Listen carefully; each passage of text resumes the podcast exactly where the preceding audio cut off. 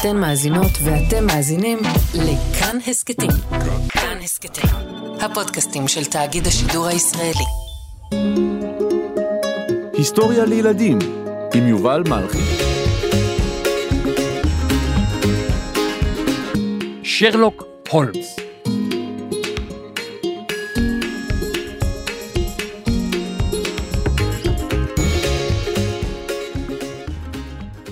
שלום ילדות, שלום ילדים. היום אני רוצה לספר לכם על גיבור שבעצם מעולם לא נולד, אבל עשרות אלפים התאבלו כשהוא נפטר. אמנם הוא מעולם לא חי, אבל אי אפשר לדמיין את התרבות שלנו בלעדיו. מגשש בלש בפעולה, פותר כל תעלומה, ועד בלשי בית העץ, מרחוב סומסום ועד בטמן, ומספרי הבלש שאתם קוראים, ועד סדרות המתח שההורים שלכם רואים, אחרי שאתם נרדמים. כולם הושפעו ממנו. קוראים לו הולמס. שרלוק הולמס.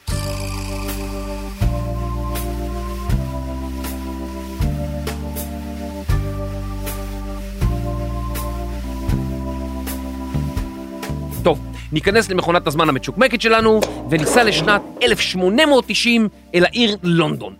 נדחף פנימה, אוי, היד, רגע, נלחץ על הכפתורים, ו...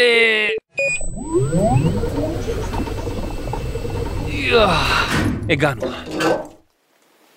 אוי, לא לקחתי מעיל, וקר פה, יורד עליי גשם, מטפטף, והכל כל כך אפור. טוב, לונדון לא מחכה לי. אנחנו נמצאים בעיר לונדון, שבזמן הזה, 1890, היא אחת הערים הגדולות בעולם. גרים בה כחמישה מיליון תושבים. אבל מתוך כל ההמונים האלה, בחור אחד, קצת משונה, קצת מתבודד, עם שם מצחיק ותחביבים מוזרים, הפך להיות שיחת היום. טוב, גשום פה מדי, אני חוזר לישראל.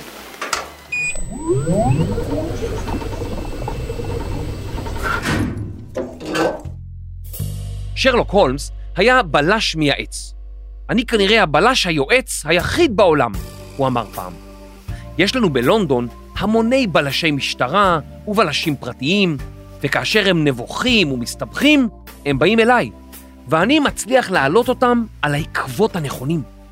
גם לקוחות פרטיים הגיעו אליו, והם היו מגוונים להפליא. הולמס עזר למטפלות ולראשי ממשלות, לטבחים ולמלכים, לפקידים זוטרים ולשרים בכירים. למעשה, לא משנה מי פנה אליו, נהג כרכרה או מנהל חברה, ולא משנה אם גנבו לכם את היהלום הכי גדול בכל האימפריה הבריטית, או נעל אחת ישנה שהייתה חשובה לכם. אפילו לא משנה אם גנבו תוכניות סודיות של צוללת צבאית, או את סעודת החג שלכם. הדבר היחיד שעניין אותו היה התעלומה, שתהיה מאתגרת, מותחת, משעשעת, או אפילו מוזרה.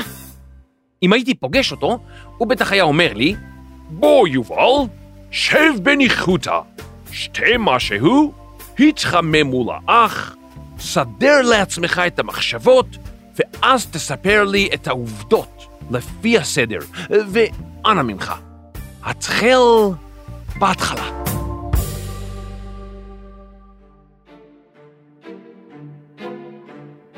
ההתחלה של הסיפור שלנו היא לאו דווקא עם שרלוק הולמס, אלא דווקא עם איש אחר בשם ארתור קונן דויל. ארתור נולד באמצע המאה ה-19, שמסתיימת בשנת 1900, בעיר אדינבורו שבסקוטלנד. וכשסיים את לימודיו בתיכון, הוא נרשם ללימודי רפואה באוניברסיטת אדינבורו. המרצה האהוב עליו היה ג'וזף בל, רופא מנתח, שהתפרסם בזכות כושר הבחנה חד. אמרו עליו שהוא ידע להבחין חולים שנכנסו למרפאה שלו עוד לפני שהם הוציאו מילה מהפה. הוא היה מעיף בהם מבט אחד ומיד חושף בפניהם פרטים שונים על חייהם ומספר להם מאילו מחלות הם סובלים. והוא כמעט אף פעם לא טעה. הו, נעים מאוד, שלום לך בחור, בוא בוא, כנס, אני דוקטור ג'וזף בל, רופא מנצח. אני רואה לפני שאתה פוצע את פיך, אתה סובל מפדקסת. מה? פדקסת? יש מחלה כזאת? כן, כן, פדקסת, או בעברית הסקטת. תראה, אתה, אתה, אתה, יש לך בעיה חמורה. אתה פוגש בן אדם, ומיד משלב אותו בתוך פודקאסט. סליחה? כן, כן. הנה, פגשת אותי, נכון? הרגע פגשת אותי, וכבר אני בתוך הפודקאסט שלך. הנה זה בום, הוכחה ניצחת, התיק סגור, המקרה פתור, שתי הרבה מים, אתה חתיכת בחור. ותקליט הרבה פודקאסטים, אם אתה יכול. הבא בתור, הבא בתור. רגע, רגע, אני בכלל באתי אליך כי כואבת לי הרגל. הרגל? זה כנראה מהפודקאסט. הבא בתור, הבא בתור.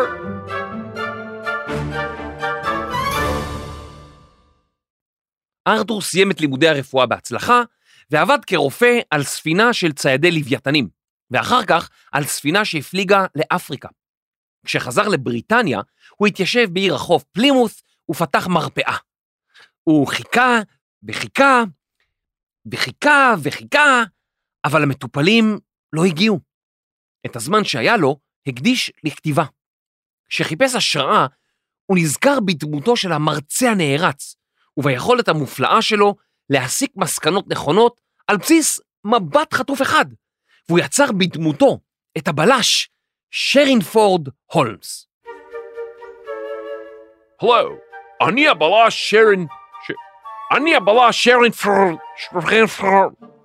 אני הבלש. פרד שרין פרד... פרד... אוף, אי אפשר להמשיך ככה. פשוט אי אפשר. אוקיי, אוקיי, אני משנה לך את השם. אמ, בוא נחשב משהו פשוט יותר, שכל אחד יכול לבטא אמ, אמ, קוקו, פוקו, שלוקו, שרולוק, שרלוק, שרלוק. אוי, זה, זה שם טוב, כמעט אין אותו לאף אחד. שרלוק, שרלוק. נעים מאוד, הולמס. שרלוק הולמס. רגע, תן לי לנסות. נעים מאוד. אני הולמס.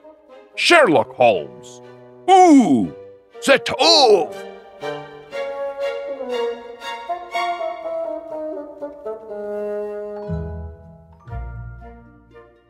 שני הספרים הראשונים שכתב על הולמס, חקירה בשני וחותם הארבעה, היו פשוט, פשוט לא משהו.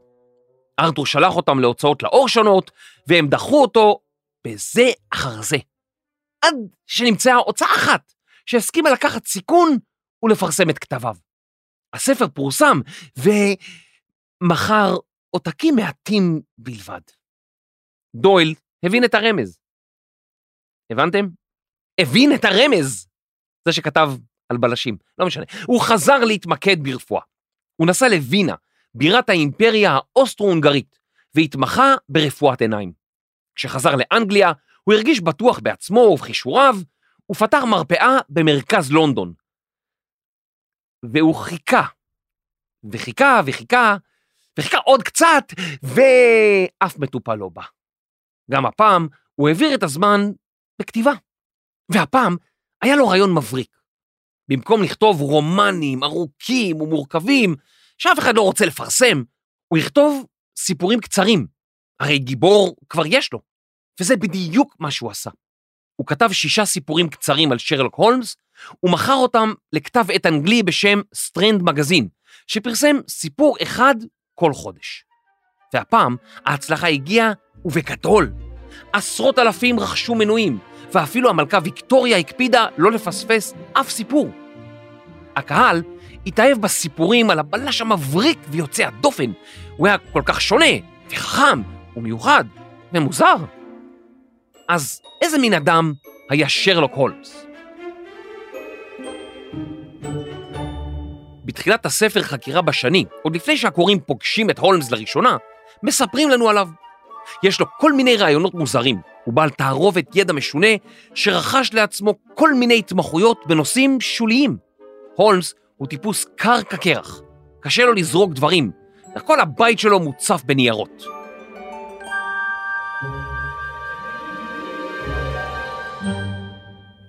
ככל שהקוראים זכו להכיר אותו יותר, הולמס התגלה כאדם חכם להפליא, ששם לב לפרטים, ויכול להסיק מסקנות נרחבות אפילו מהרמזים הכי קטנים.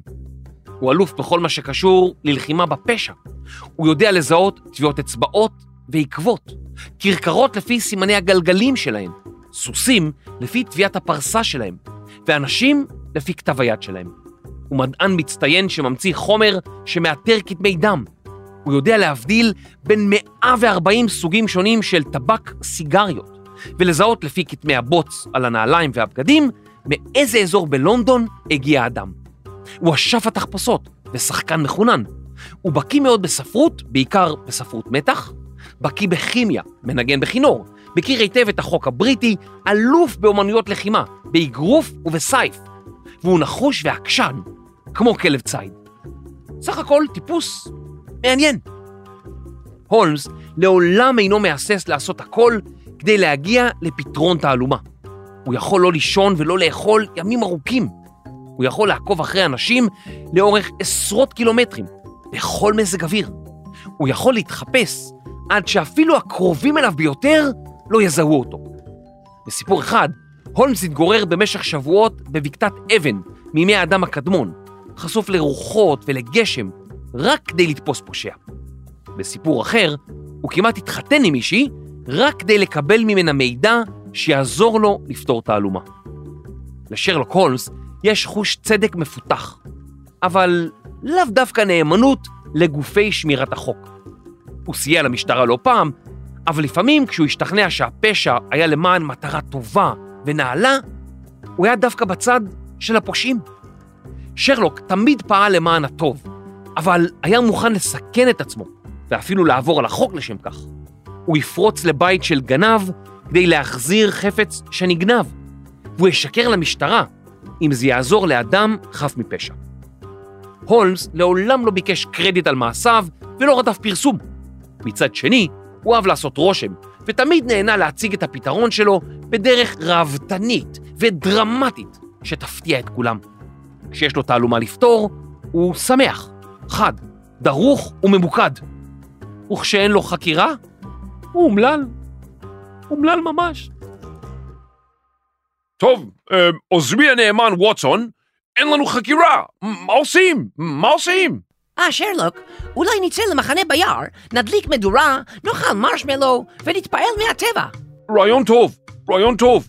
בוא, קדימה, תעמיס את הדברים. קח, הנה אוהל, הנה דברים, הנה, הנה כלי אוכל, צריך לבשל, ומשהו להדליק את המדורה, והנה, את זה תיקח פה, זה כינור, אני אוהב לנגן, יופי, קח את כל הדברים, קדימה. איזה כיף במחנה שלנו. רעיון ממש טוב, ווטסון. בוא, בוא נשתה קצת שוקולית חמם. Mm, אוי, המרשמלו טעים. ת, תמיד צריך להיזהר מהאש, ילדים, זה, זה מסוכן מאוד. טוב, בוא נכבה את המדורה ו- וניכנס לאוהל שלנו, אני אה, עייף, הגיע הזמן לישון. ווטסון, תן לישון, שרלוק, תן לישון. או, תתעורר רגע. מה, שרלוק, מה הפעם? הרם את ראשך לשמיים ואמור לי מה אתה רואה. אני רואה מיליוני כוכבים. ומה המשמעות של המראה הזה? שרלוק, אתה, אתה בוחן אותי, איזה כיף. או, או, אני חייב לתת תשובה טובה. או, שאלה מעניינת, שרלוק. אני חושב שהיקום הוא עצום בגודלו. שיש כוכבים רחוקים מאוד, שאולי יש חיים אחרים על, על פני כוכבים רחוקים, שיש אולי גלקסיה, ש- ש- ש- שיש בשמיים כל מיני דברים מעניינים ומוזרים. מה עוד, ווטסון? אה, אה, שאין עננים, והירח הוא זוהר ביופיו. מה עוד, ווטסון? אה, זה- זהו פחות או יותר שרלוק. ווטסון? אתה לא שם לב שגנבו לנו את האוהל? הו, עכשיו שאתה אומר את זה, באמת שמתי לב. נכון, גנבו לנו את האוהל. יופי, ווטסון, יופי, כל הכבוד. היי,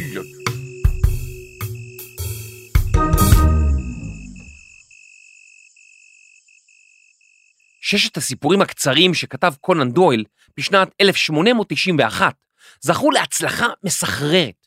הקהל רצה עוד, והעיתונים רצו עוד. מה יכול להיות רע? אבל מסתבר שמישהו אחד לא רצה עוד. והמישהו הזה היה הסופר, ארתור קונן דויל עצמו. כן, נמאס לו לחלוטין מהבלש שיצר. במכתב שכתב לאימא שלו, התוודה. אני חושב לחסל את הולמס סופית. הוא מסיח את דעתי מדברים טובים יותר. אמא שלו מיהרה לשלוח לו מכתב נוקב מלא בסימני קריאה. אל תעשה זאת, אינך יכול, אסור לך. וכמו כל ילד טוב, גם ארתור הקשיב לאמו וכתב לה, רק הודות לך, שרלוק הולמס נותר בחיים. בינתיים.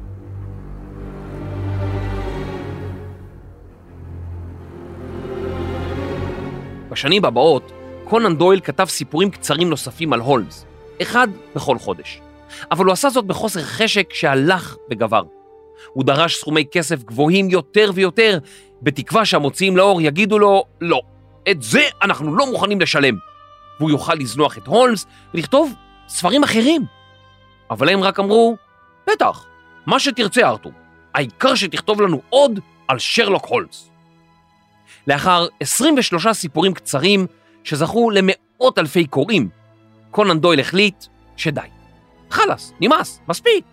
לא אכפת לו מהקהל, לא אכפת לו מהמוציאים לאור, לא אכפת לו מהכסף, ולא, לא אכפת לו אפילו מאימא שלו. הוא מחסל את הולמס, וזהו זה.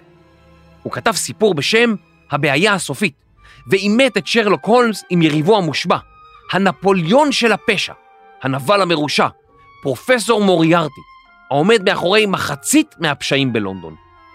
הולמס נמלט לשוויץ, אך מוריארטי ואנשיו מצאו אותו שם, וברגע השיא של הסיפור, הבלש והנבל מצאו שניהם את מותם בנפילה במורד מפל שוצף, לפותים זה בזרועות זה, לאחר שנאבקו זה בזה לחיים ולמוות. באותו יום כתב קונן דויל ביומנו האישי רק שלוש מילים: הרגתי את הולמס. במכתב שכתב לחבר, הוא הרחיב: אני מרגיש לגבי הולמס כמו שאני מרגיש לגבי מאכל שפעם אכלתי ממנו יותר מדי. קיבלתי מנה גדושה כל כך שלו, שעצם השם עצמו גורם לי בחילה. מה שקרה אחר כך היה הפתעה מוחלטת. העיתונים בבריטניה דיווחו על מותו של הולמס ממש כאילו היה אדם אמיתי, וההמונים שהריצו את הולמס הוכו בתדהמה ובאבל. עשרות אלפי אנשים ביטלו את המנוי שלהם על כתב העת שפרסם את סיפורי שרלוק הולמס. אלפים שלחו לקונן דויל מכתבים זועמים, רשע מרושע שכמוך, כתב לו מישהו. ומספרים, אם כי יכול להיות שזו רק אגדה, שמאות אנשים הסתובבו בלונדון כשהם עונדים סרט שחור על ידם, לציין כי גם הם מתאבלים על מותו של הבלש החביב עליהם. אפילו אמו של קונן דויל כעסה עליו מאוד על שהעז לחסל את הבלש האהוב.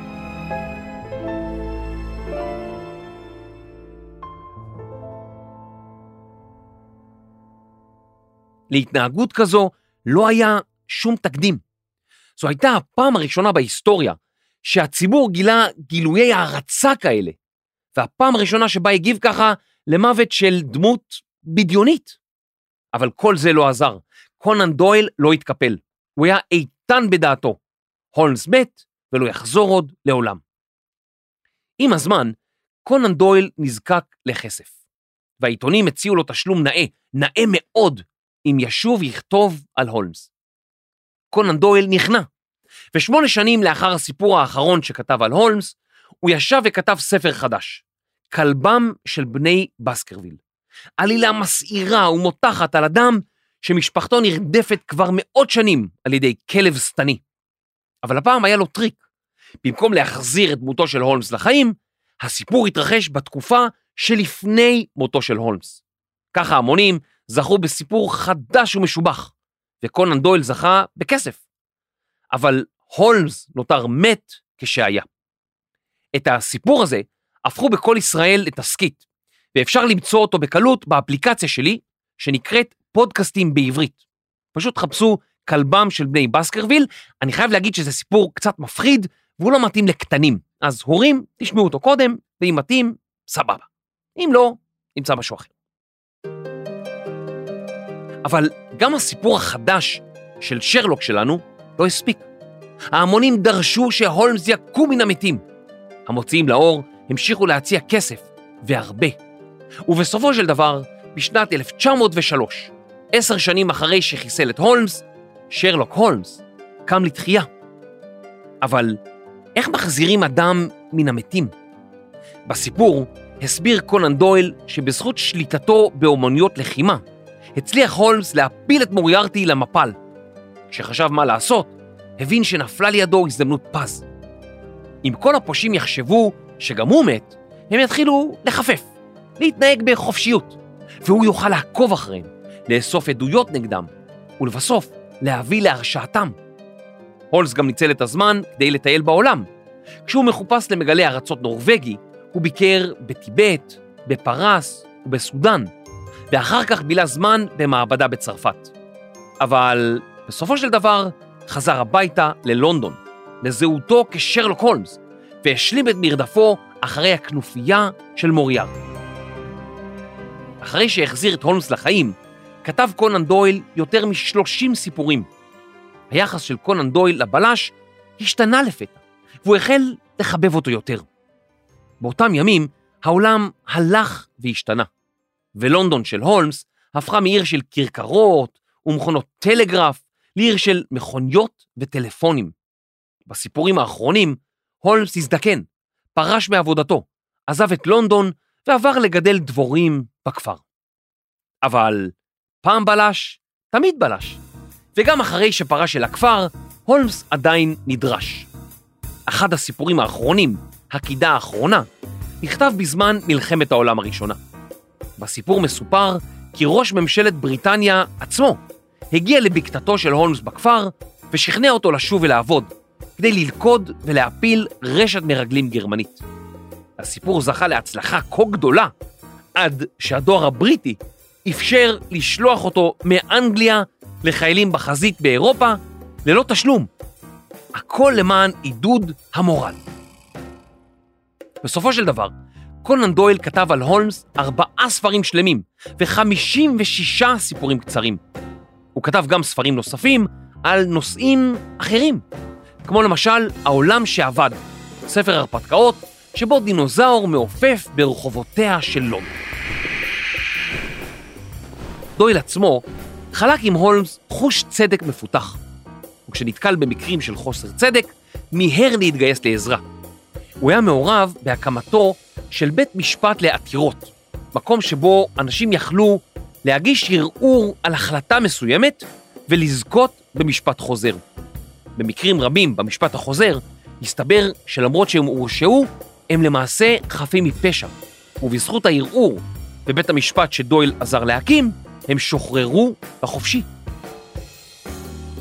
דויל זכה להצלחה עצומה, ובשנת 1902, עוד לפני שהחזיר את הולמס לחיים, קיבל תואר אצולה, הוא הפך לסר ארתור קונן דויל. אבל חייו האישיים לא היו שמחים במיוחד. אשתו הראשונה נפטרה, ורבים מבני משפחתו נהרגו במלחמת העולם הראשונה. את שנות חייו האחרונות השקיע בפעילות ששרלוק הולמס, אביר ההיגיון הקר והמחושב, היה מתנגד לה בתוקף. ארתור קונן דויל ניסה להוכיח שיש חיים לאחר המוות, וכי יש בעולם שלנו פיות. קונן דויל היה חבר טוב של הקוסם הארי הודיני, אם אתם מכירים את הפרק עליו, אבל הוא האמין שלהודיני יש כוחות על-טבעיים, למרות שהודיני הסביר לו שוב ושוב שהוא מבצע פעלולים ואחיזת עיניים.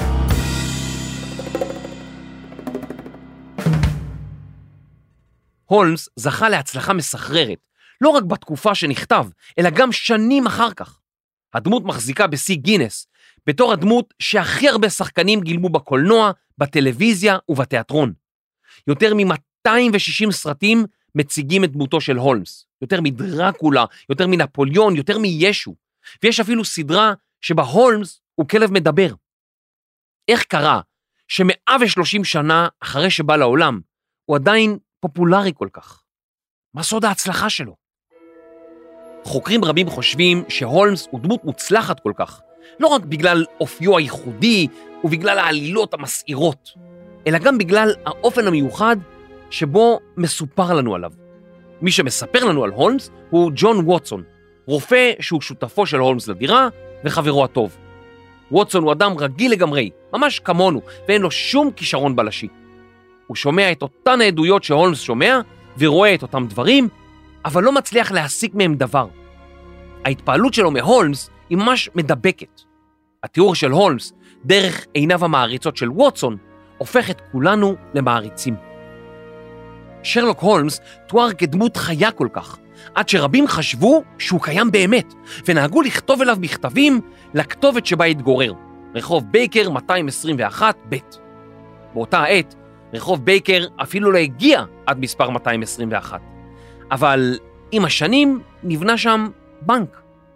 מכתבים רבים הגיעו לבנק עבור ווטסון. הבנק נאלץ להעסיק עובדת, שכל תפקידה היה להשיב למכתבים שיועדו להולמס. גם היום, רבים עדיין חושבים שהולמס היה איש אמיתי. בסקר שנערך בבריטניה לפני עשר שנים, יותר ממחצית מהנשאלים השיבו שהולמס היה דמות אמיתית לחלוטין. מוזר.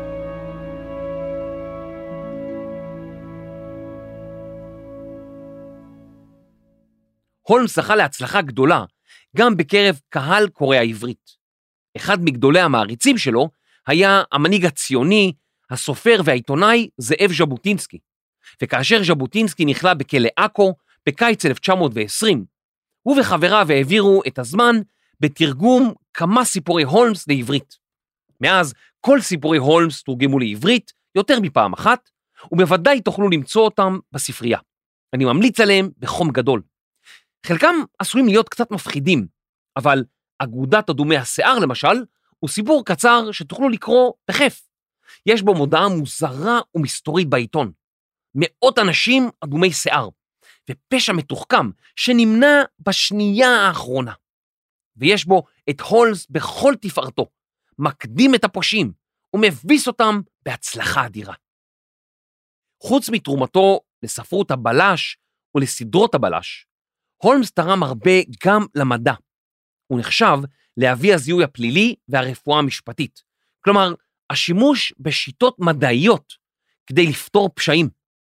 למעשה, כשקונן דויל כתב את הסיפורים, התחום היה בחיתוליו, והולמס הדמיוני הקדים את המשטרה האמיתית בכמה צעדים.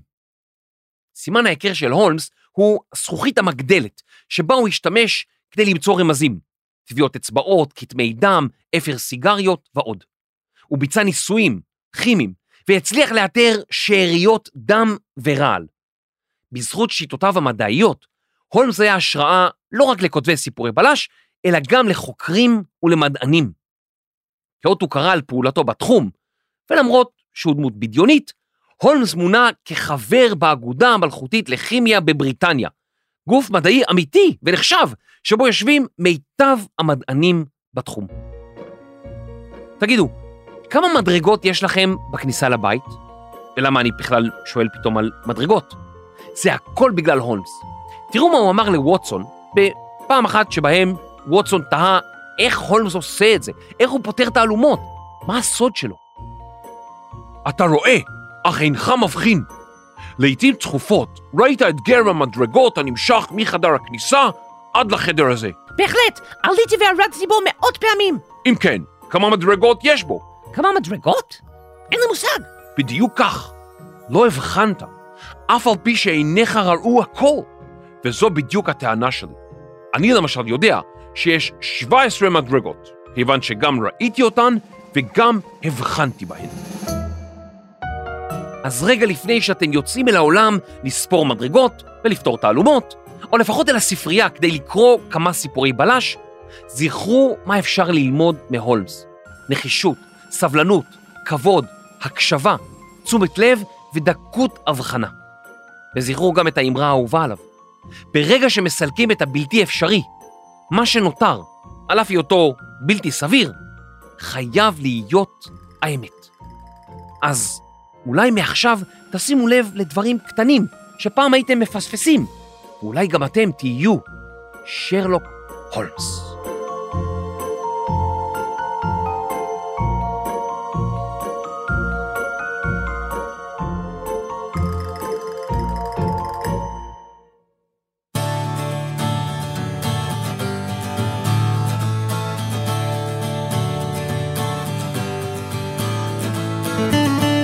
מחקר, כתיבה, ויש לה בוץ מדרום לונדון על הנעליים. Hmm, תמר נויגרטן פולגר.